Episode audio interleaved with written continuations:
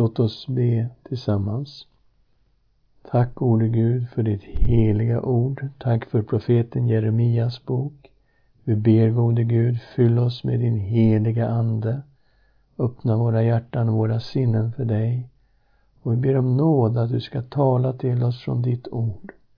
I Jesu Kristi namn. Amen. Ja, vi är inne i en del av profeten Jeremias bok som vi har kallat för Guds framtida befrielse och frälsning, kapitel 30 till 33. Och vi ska titta på kapitel 32 och 33 idag. Och vi ska börja med kapitel 32, Jeremias köp av en åker. Vi finner här i början av kapitel 32 att Jeremia var inspärrad. Året är 587 f.Kr. Babels armé ligger utanför Jerusalems murar och Jerusalem är belägrad. Inom ett år skulle staden förstöras. De överlevande skulle föras bort i fångenskap till Babel. Och i och med att Jeremia hade profeterat att Jerusalem skulle gå under, att kung Sidkia skulle föras som fånge till Babel, så beslöt kungen att spärra in honom på vaktgården till kungapalatset. Och Herren uppenbarar för Jeremia att det skulle komma en släkting till honom och erbjuda ett åkerköp åt honom i Anatot, hans hemstad. Och släktingen kom mycket riktigt och erbjöd åkern och Jeremia köpte den. Köpet var ett officiellt köp till rätt pris med kontrakt och inför vittnen. Man skrev köpebrev och ett av dem förseglades och ett annat lämnades öppet. Köpebreven gavs till Jeremias sekreterare Baruk som blev tillsagd att lägga båda breven i en lerkruka. Och det här var ju en profetisk handling. Tanken var att de här breven skulle förvaras i krukan i många år. Och det skulle bli till ett hopp att folket som snart skulle vara i fångenskap de skulle en dag få återvända till landet och då skulle man åter få köpa och sälja mark. Och Jeremia han är ändå lite konfunderad över att han skulle köpa en åker så pass nära Jerusalems förstöring. Så han bad till Herren. Och vi ska se den här uppbyggnaden av profetens bön, mycket intressant. Först så börjar han med att lovprisa Herren och vi läser då i kapitel 32, vers 17 till 19. O Herre Gud, du har gjort himmel och jord med din stora kraft och din uträckta arm. För dig är ingenting omöjligt. Du visar nåd mot tusenden och bestraffar fädernas missgärning på deras barn efter dem, du store och väldige Gud. Och det här är ju som ett citat kan man säga ifrån när Herren uppenbarade sig för Mose i Andra Mosebok 34, vers 6 och 7. Du är stor i nåd och mäktig i gärningar. Dina ögon vakar över människors alla vägar för att ge åt dem var och en efter hans vägar, efter frukten av hans gärningar. Och sen kommer steg två i den här bönen där, där Jeremia återberättar Guds handlande med Israel genom historien. Vers 20. Du gjorde tecken och under i Egyptens land och gör så än idag, både med Israel och med andra människor. Och du har gjort dig ett namn som är detsamma än idag. Du förde ditt folk Israel ut ur Egyptens land med tecken och under, med stark hand och uträckt arm och genom stor skräck. Och du gav dem detta land som du med ed hade lovat deras fäder att ge dem, ett land som flödar av mjölk och honung. Därefter konstaterade Jeremia att Israel avfallit från Herren. Vi kommer till vers 23. De kom och tog det i besittning, men de lyssnade inte till din röst och vandrade inte efter din lag. De gjorde ingenting av allt det du hade befallt dem att göra. Därför lät du all denna olycka drabba dem. Se hur belägringsvallarna närmar sig staden för att inta den. Och genom svärd, svält och pest är staden given i de kaldeiska belägrarnas hand. Vad du har talat har nu skett. Du ser det själv. Och sen slutligen kommer då det Jeremia undrar om. Vers 25. Men fastän staden är given i kaldéernas hand säger du, Herre Gud, till mig, köp till åken för pengar och ta vittnen på det. Och Herren, han svarar direkt. Vi kommer i kapitel 32, vers 26 till 44. Och Guds svar är lika intressant. Herren bekräftade att staden skulle ges i kung Nebukadressars hand på grund av avguderi och ondska. De hade vänt Gud ryggen och resultatet skulle bli en katastrof. Så domen stod för dörren, det stämde. Så här läser vi i kapitel 32, vers 27. Se, jag är Herren, allt kötts Gud. Skulle något vara omöjligt för mig? Därför säger Herren så. Jag ger denna stad i kaldéernas och den babyloniske kungen Nebukadressas hand. Han ska inta den. Kaldéerna som belägrar staden ska komma och tända eld på den och bränna upp den tillsammans med de hus där man har tänt rökelse på taken åt bal och väckt min vrede genom att utgjuta dryckesoffer åt andra gudar. För ända ifrån sin ungdom har Israels barn och judabarn gjort det som är ont i mina ögon. Israels barn har inte gjort något annat än väckt min vrede med sina händers verk, säger Herren. För ända från den dag då denna stad byggdes och tills nu har den varit orsak till vrede och harm för mig. Därför måste jag förkasta den från mitt ansikte.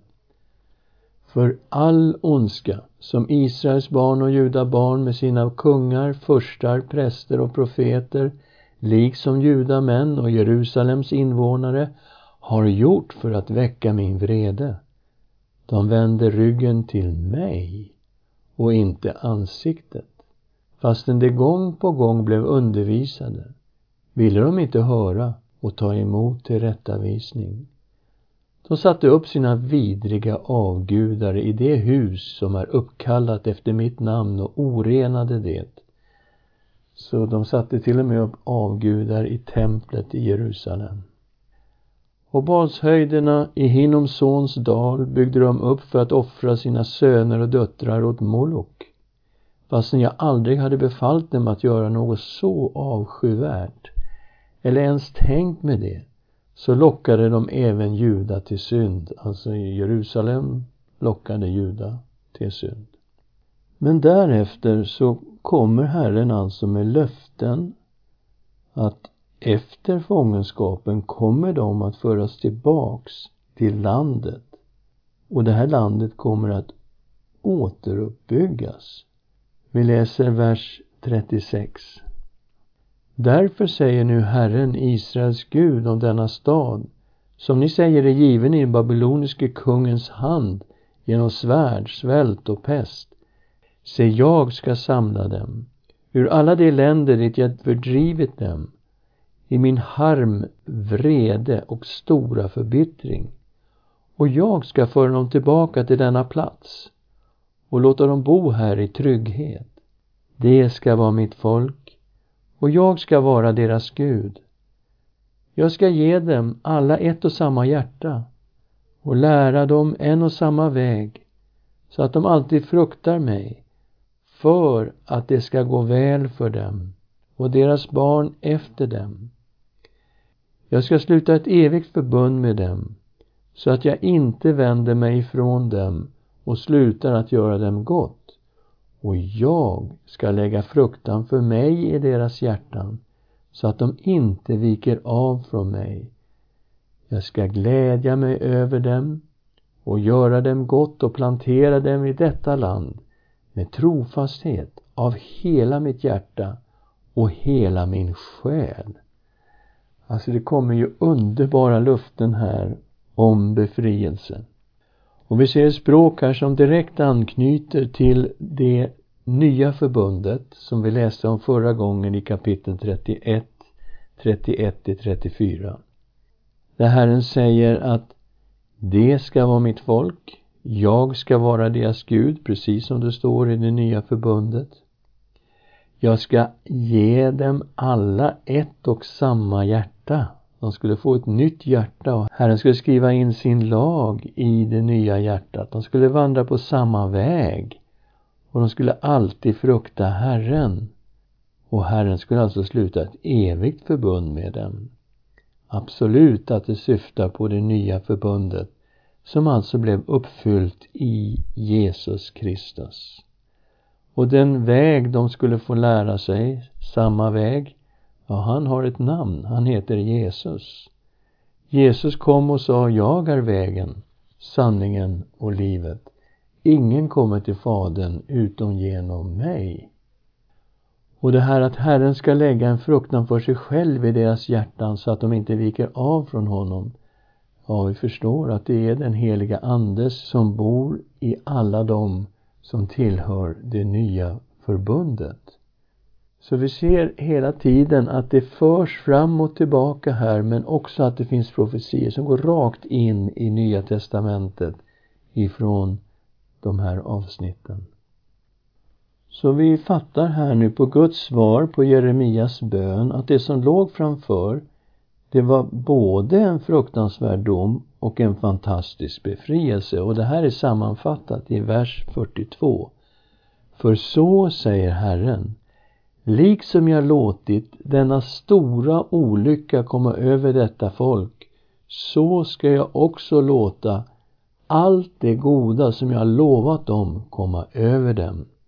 Så det är de här två sakerna som kommer att ske i framtiden. Nära framtid låg domen, men sen låg också befrielsen, återvändande till landet och faktiskt det nya förbundet som är uppfyllt i Jesus Kristus.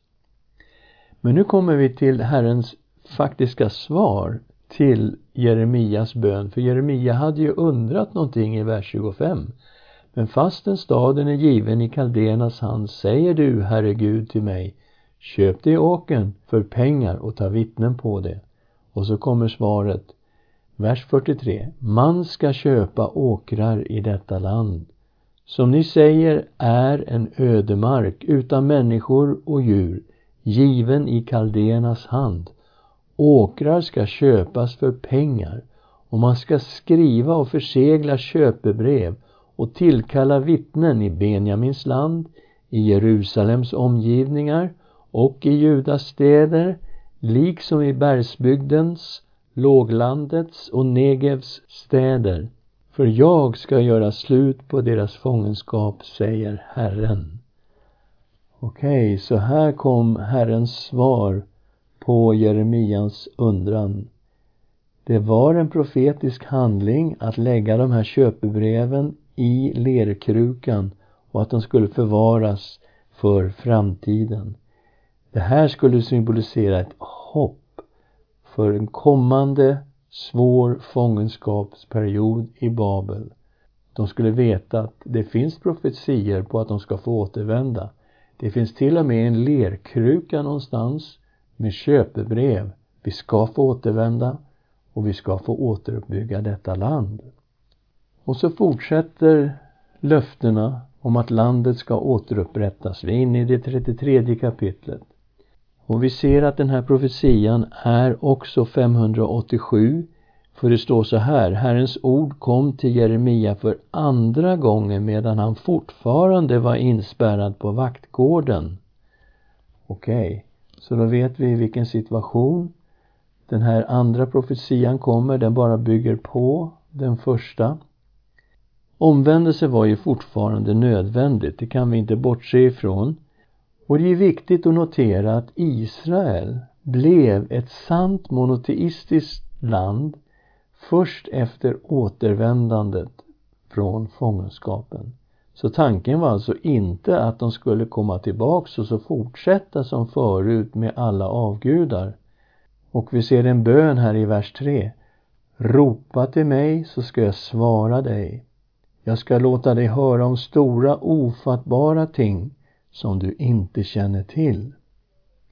Och det stora ofattbara var att det här trasiga landet skulle helas från sina sår. Kapitel 33, vers 6 och 7. Se, jag ska hela dess sår och ge läkedom och bota dem och jag ska låta dem se frid och trofasthet i överflöd. Jag ska göra slut på fångenskapen för Juda och Israel och bygga upp dem som det var förr. Jag ska rena dem från all deras synd som de har begått mot mig och förlåta dem alla deras synder som de har begått mot mig i uppror mot mig. Och här ser vi igen ett språk som är direkt hämtat ur det nya förbundet i kapitel 31. Detta med att alla synder skulle bli förlåtna. Och så möter vi ett löfte om en rättfärdig kung i kapitel 3, vers 14 till 16. Herren lovade att en rättfärdig kung från Davids ett skulle uppstå. Juda och Jerusalem skulle få bo i trygghet och språket liknar den messianska profetian i Jeremia 23, 5-6. Men här syftas profetian på Jerusalem och inte på en person. Vi ska läsa den här profetian i kapitel 33, vers 14 16.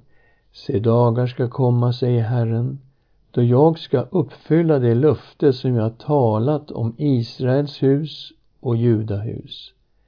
I de dagarna och på den tiden ska jag låta en rättfärdig telning växa upp åt David.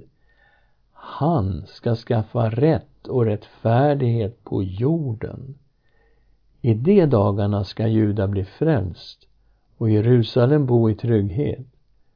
Man ska kalla det så, Herren vår rättfärdighet. Det är väldigt likt det vi läste i kapitel 23, vers 5 och 6 där det står så här. Se dagar ska komma, säger Herren, då jag låter en rättfärdig telning växa upp åt David.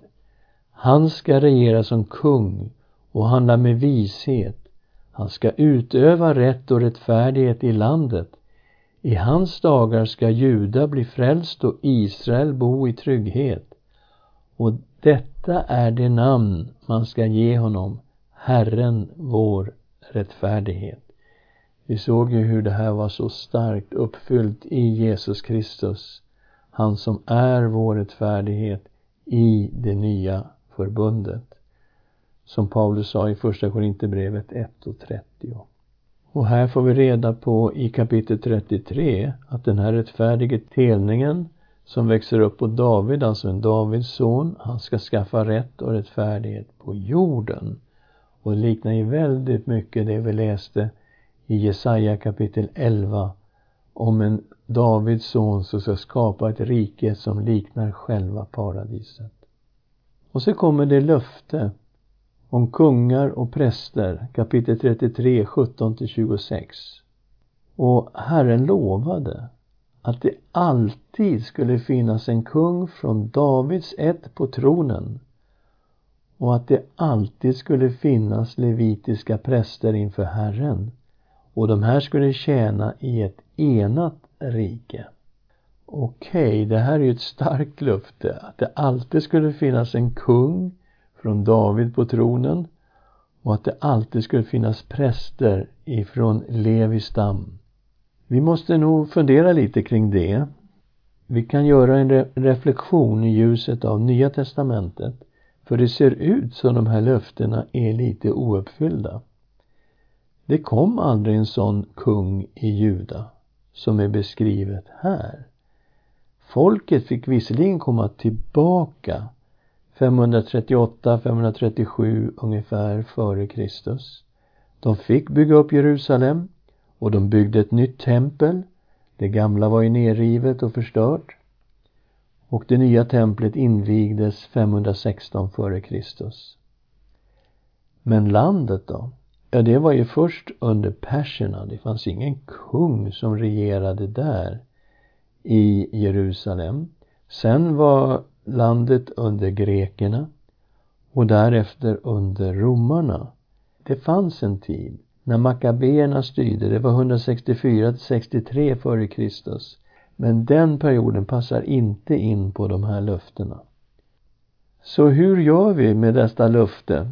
Att det alltid ska sitta en från Davids ett på tronen. Ja, man kan ju läsa profetian i ljuset av Jesus Kristus och titta på vad ängeln Gabriel sa till jungfru Maria i Lukas 1, 31-33. Du ska bli havande och föda en son. Du ska ge honom namnet Jesus. Han ska bli stor och kallas den Högstes son. Och Herren Gud ska ge honom hans fader Davids tron. Han ska vara kung över Jakobs hus för evigt och hans rike ska aldrig ta slut. Ja, här har vi en profetia om Jesus från ängeln Gabriel till jungfru Maria som stämmer direkt in på löftena här i Jeremia 33. Han skulle få sin fader Davids tron och han skulle regera på den tronen för evigt. Men hur gör vi med de levitiska prästerna då? Ja, det fanns visserligen ett tempel då från 516 och sen kommer kung Herodes som styrde när Jesus föddes. Och han eh, satte igång och renoverade templet och eh, det var det tempel som stod där på Jesu tid. Men år 70 efter Kristus så kom romarna och förstörde Jerusalem och förstörde det templet. Och det finns inget tempel där i Jerusalem sedan år 70 efter Kristus. Det är nästan 2000 år. Hur gör vi det med det? Ja, Jesus, han är en evig överste präst lik Melkisedek. Och han har faktiskt ersatt de aronitiska prästerna i det nya förbundet. Vi får gå till Hebreerbrevet kapitel 7 och börja i vers 11. Om ni fullkomning hade gått att nå genom den levitiska prästtjänsten och på den grund fick folket lagen. Varför måste det då uppstå en annan präst, en som Melkisedek, en som inte sägs vara som Aron? För om prästtjänsten ändras måste också lagen ändras. Han som detta talas om hörde till en annan stam och från den stammen har ingen gjort tjänst vid altaret. Det finns alltså ingen präst som kommer ur Judas stam någonsin. Alla kommer ur Levis stam i Gamla testamentet. Det är därför tydligt att vår Herre har kommit ur Judas stam. Och Mose har inget sagt om präster från den stammen. Ännu tydligare blir det när det uppstår en annan präst som Melkisedek en som inte har blivit präst genom lagbud om härstamning utan genom kraften av ett oförstörbart liv.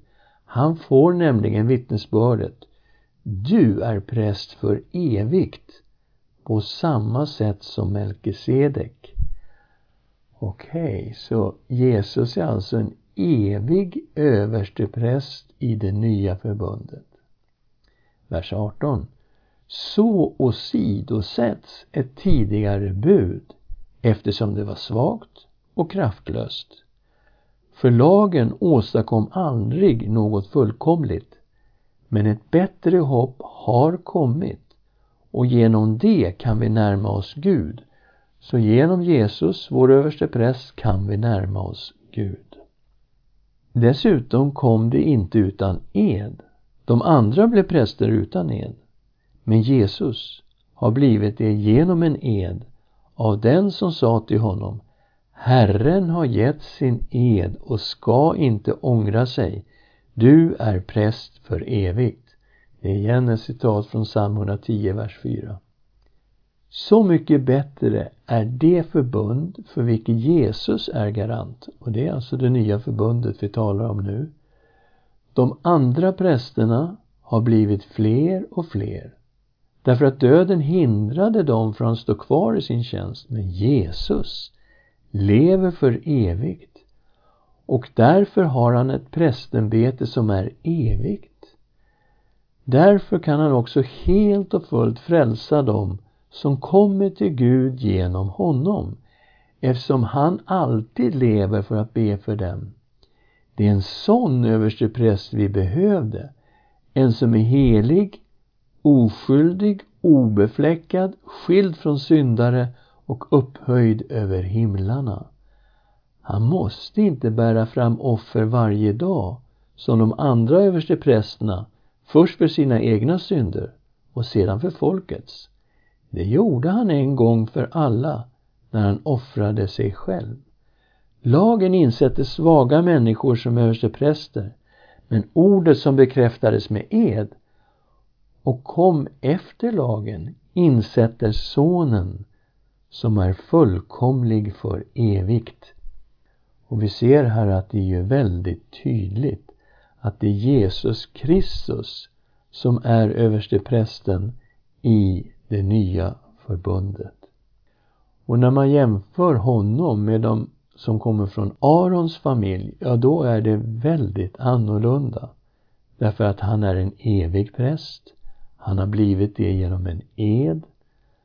Och han som är evig, han lever alltid för att be för oss. Och alla som kommer till Gud genom honom, ja de blir frälsta fullt ut. Hurdan är hans karaktär? Ja, han är helig. Han är oskyldig, obefläckad, skild från syndare, upphöjd över himlarna. Och han bar alltså fram sig själv som ett evigt offer åt Gud. Så visst, om vi läser denna profetia i Jeremia 33 i ljuset av Nya testamentet, då finner vi att vi har en överste präst i det Nya testamentet, i det nya förbundet, och han heter Jesus. I det nya förbundet har vi dessutom ett allmänt prästadöme. Det vill säga alla som är med i det nya förbundet är präster åt Gud. Så här läser vi Uppenbarelseboken 1, vers 5 och 6. Han, Jesus, som älskar oss och har löst oss från våra synder med sitt blod och gjort oss till ett kungarike, till präster åt sin Gud och far. Hans är äran och makten i evigheters evighet. Amen. Okej, okay, så alla i det nya förbundet är präster. Också det här passar in på det vi läser i Jeremia 33 att det aldrig ska saknas några präster inför Guds ansikte. För Jesus har gjort oss alla till präster åt sin Gud och far. Ska vi be tillsammans. Herre, vi tackar och prisar dig för ditt ord. Vi tackar dig för alla dessa löften och ytterst sett ser vi att alla de här löftena har fått sitt ja och amen i dig, Jesus Kristus. Du är vår överste präst. Och Herre, tack att vi som vanliga människor får komma inför ditt ansikte, inför nådens tron och att vi får vandra på en ny och levande väg in i din närhet för att tillbe dig, för att upphöja ditt heliga namn, men också för att begära nåd och hjälp i rätt tid. Tack Herre att vi alla får vara präster i det nya förbundet. Vi ger dig ära. I Jesu Kristi namn. Amen.